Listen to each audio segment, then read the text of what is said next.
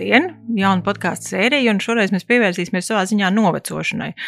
Jo tikko cilvēks pa īstam aptver, ko tas eh, nozīmē, vai tā attiecina uz sevi, tā viņš sāk meklēt risinājumus, kā to apturēt, kā to ierobežot, kā no tā pilnībā izvairīties, un tad kas no kuram ir svarīgāks. Viens varbūt domā vairāk par smadzeņu darbības, otrs par to, lai viņam seja vienmēr būtu skaista, trešais atsakās no, nezinu, gaļas un, un, un vīna, lai tur mazāk toksīnus uzņemtu. Bet tā šodienas tēma, kur tiešām, man liekas, vērts visiem ieklausīties, šai, visai šai kompānijai ieklausīties, e, ir par orgānu mūsu ķermenī, par kur patiešām ir vērts rūpēties, jo tas lielā mērā ietekmē arī visas tās jomas, ko cilvēks grib saglabāt ilgi jaunas. Un tas ir mūsu muskuļu šķiedras, muskuļu visa sistēma, kas ir vairāk simti muskuļu. Un kas interesanti, viņi tiešām lielā mērā atbild vai ietekmē to, cik ilgi mēs būsim jauni, cik mēs varēsim izvairīties no dažādām veselības problēmām, un cik ilgi arī mūsu tas prāts, vai vispār mēs varēsim nodzīvot visu savu dzīvi ar gan skaidru prātu. Un man saruna biedra šodien ir Toms Jānis Eglītis, sporta ārsts rezidents. Man liels prieks tevi redzēt. Un tu šeit, ortoklinikā, konsultē pacientus, un nu, lielā mērā tas tavs žanrs šobrīd ir piedāvāt testus, lai, uh, lai pārliecinātos, vai cilvēks pēc traumas vai operācijas ir gatavs atgriezties sportā. Nu, tēma par muskuļiem un muskuļu nozīmi vispār jaunības saglabāšanā, man liekas, tāda ļoti, ļoti interesanta. Um, es varbūt sākšu no tādas, tādas piezemētas tādas jautājums, jo man liekas, ka visi skrējēji zina to, ka tagad, kad tuvojās kaut kāda saslimšana, uh, nu, tu kā to saproti, tad ir jāvelk uh, kājās botas un jāiet skriet. Un tad, kad tu esi noskrējis, tad nu, 99% ka tu to saslimšanu būsi pavirzījis prom un paliks vesels.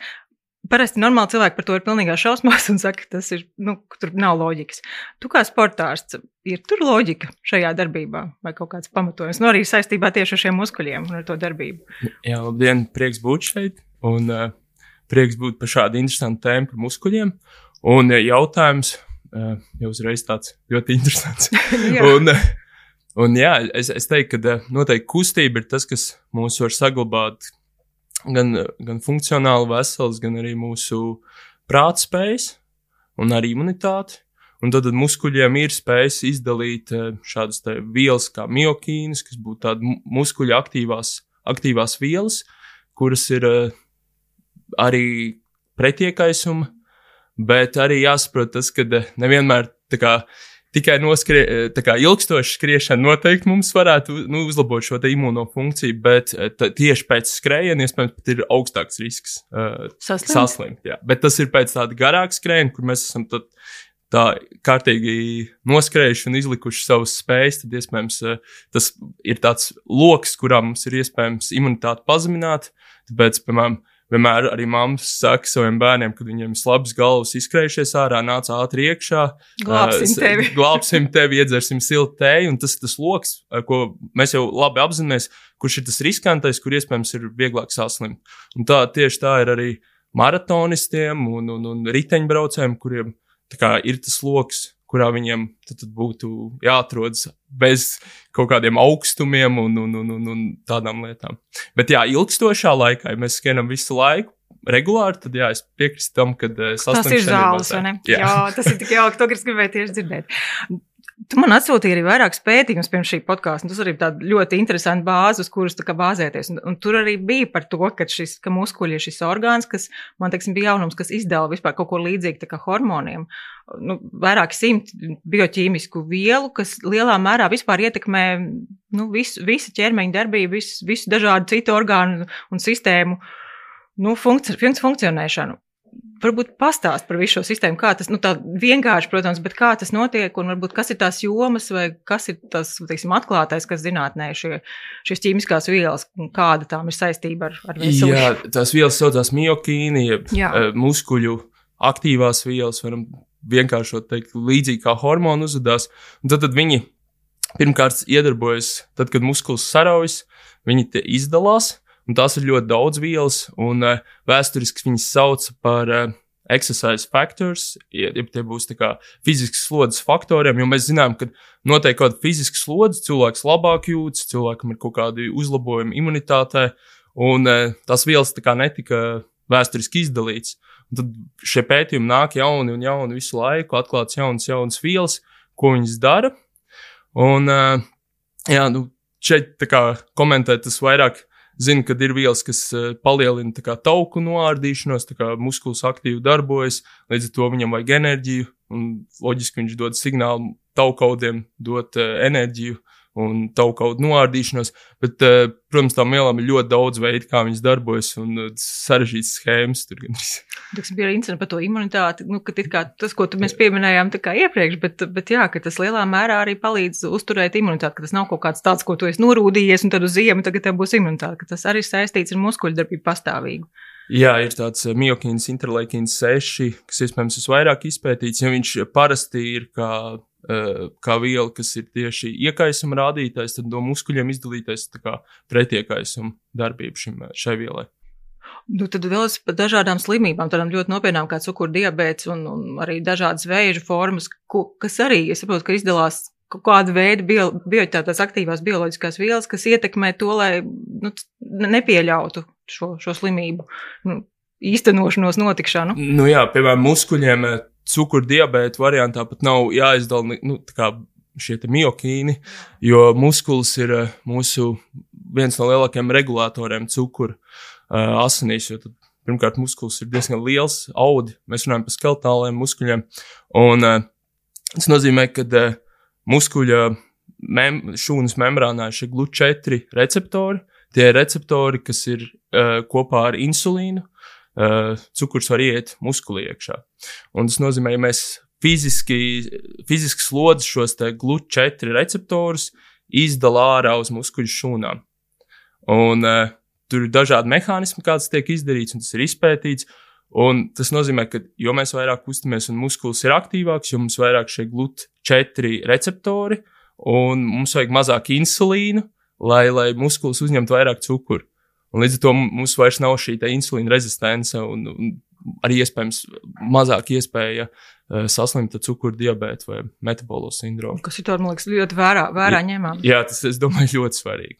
Un arī tas pats vēzis, jo es saprotu, ka cilvēkam novecojot, nu, neizbēgami vienalga pieaug šis risks un ir vairāk šo iespēju, ka šie procesi veidojās šie nelabvēlīgie. Un es saprotu, ka tieši atkal fiziskās aktivitātes ir tas, kas un šī muskuļu darbība un šīs brīnumainās vielas, ko, ko viņi izdala, arī to spēja kaut kādā veidā nu, ietekmēt. Nu, jā, nu, šeit noteikti diezgan aktīvi, aktīvi pētījumi, bet vairāk tie tādi uh, pētījumi par muskuļiem. Uh, mēs varam tieši skatīties uz aktivitāti, jo nu, muskuļi nodrošina mūsu kustības, mūsu aktivitāti. Un, uh, mēs zinām, ka ir pētījumi, tādas meta-analīzes, kur ir liels cilvēku grupas, uh, pētījumi, kur ir kohorts, tie ir ilgstoši pētījumi, kur mēs sekojam cilvēkam līdzi no, no, no jaunības vai no, no, no pieauguša vecuma, cik, ilgi, kā, cik daudz viņš kustās. Un, uh, piemēram, vērtējam, kādas ir tad, mirstība šai populācijai vai, vai, vai saslimstība. Un mēs, piemēram, zinām ļoti labi no šiem pētījumiem, kad, piemēram, soļu skaits, ja mēs esam apakšā, apakšā 25%, kas mazāk soļus veids, tad mums ir diezgan augsts risks uh, mirstībai ne tikai no audzēm, bet no dažādām slimībām. Bet, ja mēs tiekam mazliet augstāk, uh, tad, tad 50% tad tas risks krasi samazinās. Tas soļu skaits joprojām ir 10 tūkstoši, par kuriem mēs runājam. Tas jā, ir ideālais. Še, šeit tas inter, interesantā lieta bija tas, ko es redzēju, bija, kad eh, zem 2000 tas būs zems soļu skaits. Zems, jā. jā, tie 25%, ja mēs sadalām 25% zems, un pa vidu vēl 25, un tad 25 augsts. Mums vajag tikai tikt uz apmēram 6000, lai mēs mazliet pavirzītos to vienu uh, ceturdaļu augstāk, un mums samazinās krastas, nu, mums samazinās ļoti krasi šis risks. Uh, dažādām slimībām. Arī iespējams, ka tas arī ir kaut kāds no šiem ķīmiskiem elementiem. Mēs pavisam nesen runājām arī ar vienu skrējēju, kurai ir 50 gadi. Viņš saka, ka viņš salīdzina sevi ar nu, savu vecumu sievietēm, citām. Nav nekāda ne plastiskā ķirurģija veiks nekas, bet, bet tu saproti, ka izties pavisam savādāk. Tas nozīmē, ka tomēr arī pavisam tieši arī izskatu ietekmē. Noteikti. Jo viņi skrien katru dienu. Viņi... Jā, jā tas, es, es, es tam pilnīgi piekrītu. Jā, nu tas, tas, tas, tie daudzie procesi, pirmkārt, kustībai. Un...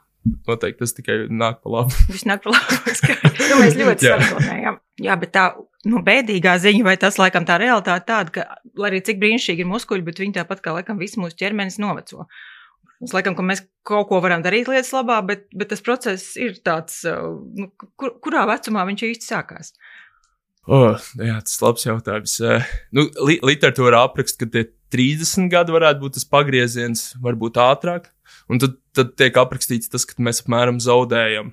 Bet nu, tas ir tādos pētījumos, kur mēs apmēram pusprocentu zaudējam no savas muskuļu masas, apmēram 1% no spēka uh, no, no 30 gadiem. Un tad, jo mēs kļūstam vecāki, pēc 75 mēs pat varam 1% no muskuļu masas zaudēt. Bet, nu, tas tādos pētījumos aprakstīts. Bet uh, skaidrs, ka uh, mēs principā zaudējam muskuļu masu tajā momentā, kad mēs vairs viņus neizmantojam.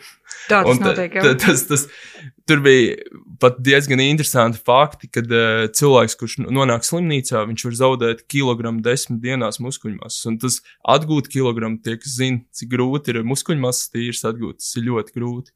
Un arī ļoti ātri spēku mēs varam zaudēt, nu, tā kā būt pilnībā imobilizēti, ja mēs nevaram pakustēties. Jā. tas, tas kā liek padomāt, ka tās kustībām jābūt regulārām, un ka mēs nevaram apstāties nevienā brīdī. Tevis paša piedāvātie pētījumi tur arī bija par to, ka cilvēks ar, nu, vispār, ka te, tas bija gan bija par Lielbritānijas iedzīvotājiem, bet, kad es neatceros 30 vai 40% cilvēku pēc 55 gadu vecuma, tur ir visādas veselības problēmas, kas vienkārši viņi nolēma, vai nu viņus ierobežo, vai nu kā, bet viņi tomēr pārstāja, maks, nu, kā vispār nodarboties ar sportu, tas tiek izslēgts no, no dzīves. Nu, un attiecīgi, jā, un tas, tas uztraukums bija par to, ka tomēr kustoties, tu tomēr nu, uzlabo to dzīves kvalitāti un uzla, uzlabo to iespēju nu, dzīvot veselīgi un nesaslimt ar virkni dažādu slimību. Jā, tur diezgan interesanti bija tas, ka pēc 60 gadiem 30% ar funkcionāliem ierobežojumiem. Jā, cilvēki. tā tas bija. Jā. Un, un tas, tas, tas īstenībā ir diezgan nu, traki nozīmē, jo šie cilvēki nevar veikt ikdienas funkcijas. Un, uh, jā, un tad, tad viņu tas uh, gan soļu skaits dienas, gan visas tās lietas, ko mēs sagaidām tajā vecumā, iet uz leju. Un, uh, jā, un tad, tad tas nozīmē, ka kā tad mēs varētu nu, saglabāt tās lietas. Un, un man bija iespējas būt ceļojumā uz Ameriku, un uh, tieši uh, tas bija Losandželosā, un tur bija tāda viena ieliņa, kur uh, bija diezgan daudz trenižera zāles. Jā. Un viena no trenižera zālēm saucās Osteostrong. Un man liekas, tā kā, gad, jā, tā kā, tā kā vitamīna, vitamīna nosaukums Latvijā gandrīz. Un uh, tajā zālē bija cilvēki, apmēram visi ar sirmām galvām, visticamāk pēc 70, un jā. vienkārši veids spēku vingrinājumus. Un, un, un fizioterapeiti vai treneru kontrolē veids šos vingrinājumus, un tādas zāles tur uz tās ielas bija 3, 4. Un cilvēki redz, ka tas, tas dod labumu, saglabā savu muskuļu masu, sa saglabā spējas piemēram, piecelties pēc kritiena, vai, vai pirmkārt jau nenokrist. Jo, jo, ja mums būs spēcīgas kājas, spēcīgi muskuļi, mums ir mazāks risks nokrist un, un, un tādas lietas, kas ir diezgan svarīgas. Jā, bija tā interesanti arī tā, tas, ka tā vide, kurā vai tie cilvēki, ar kuriem tu draudzējies, kas tev ir apkārt, arī lielā mērā ietekmē. Ja viņi ir fiziski aktīvi, tu lielā mērā arī esi tāds. Un, ja tā vide ir tāda, kur cilvēki nekustās, tad tas ļoti veicina arī nu, pašu cilvēku. es atvainojos tādu nu, lielāka pasivitāte un inertuma. Tas arī bija tāds interesants moments. Jā, un, un tas smieklīgi uz tās ielas. Tā kā viena puse bija ar tām osteostrūmu klīnikām, nu, dažādām osteo. Jā. Un otrā pusē klīnikas bija, un es biju diezgan pārsteigts, staigāju, tā kā vēroju, kas notiek. Un vienā no klīnikām bija tā, ka cilvēks iet zālē un viņam aplaudē. un viņam aplaudē viss personāls, es nezinu, vai tums ārā, un es, es sākumā nesapratu, visu laiku kaut kas aplaudē.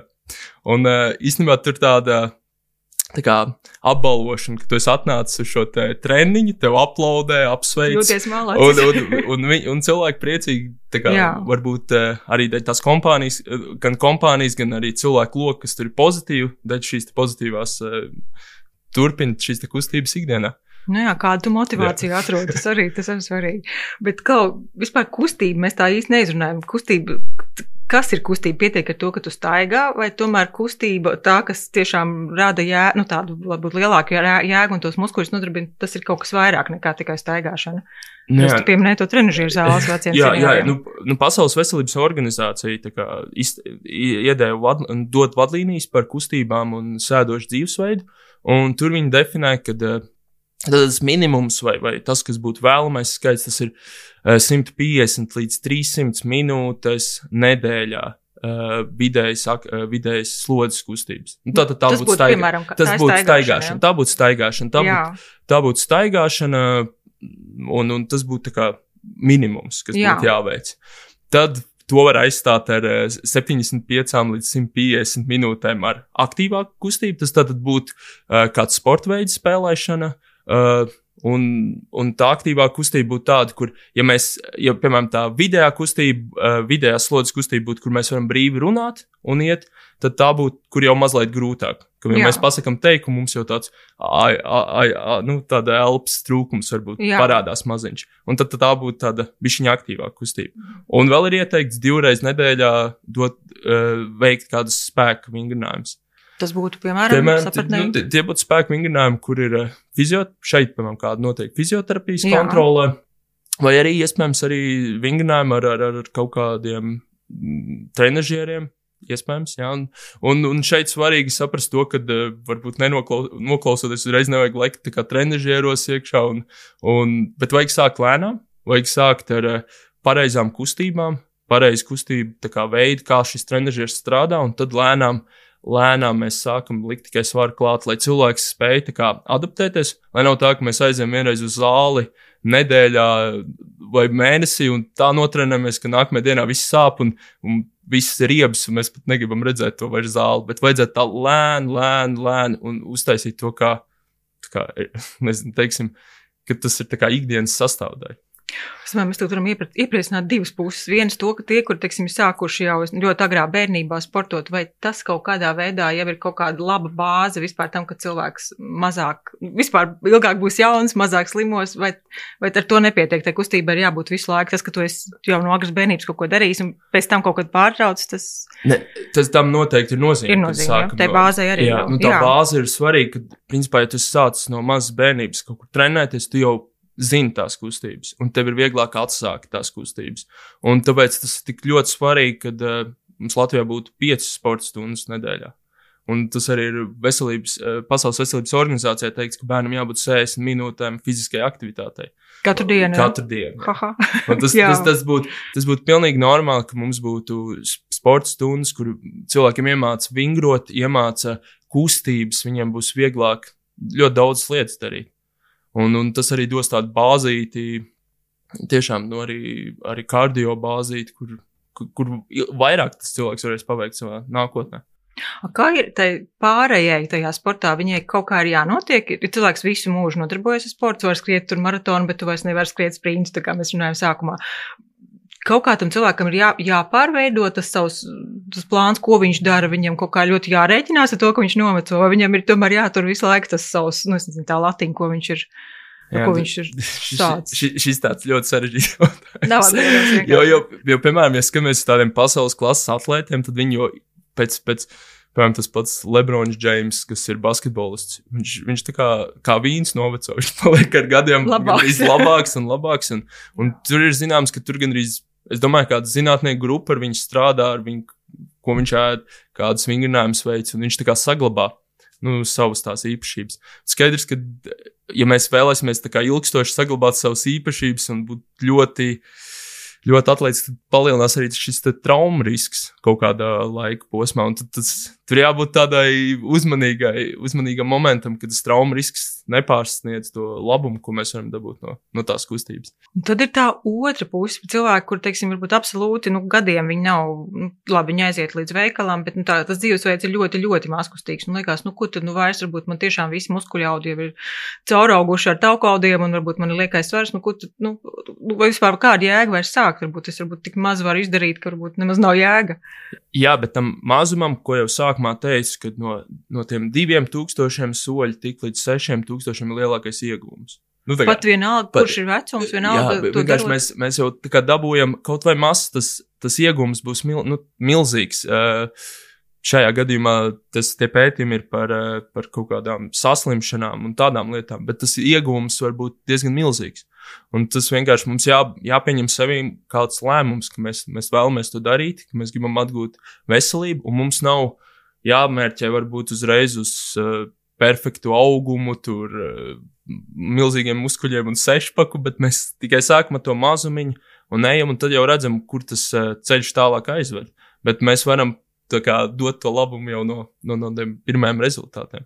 Un, teiksim, to pašu var teikt arī uz cilvēkam 70, 80 gados, jo nu, tas dzīvesveids galīgi nav kustīgs. Viņš iet tikai tā kā uz tā kā pretējo pusi, ka tā kustība vienalga dos kaut ko labu.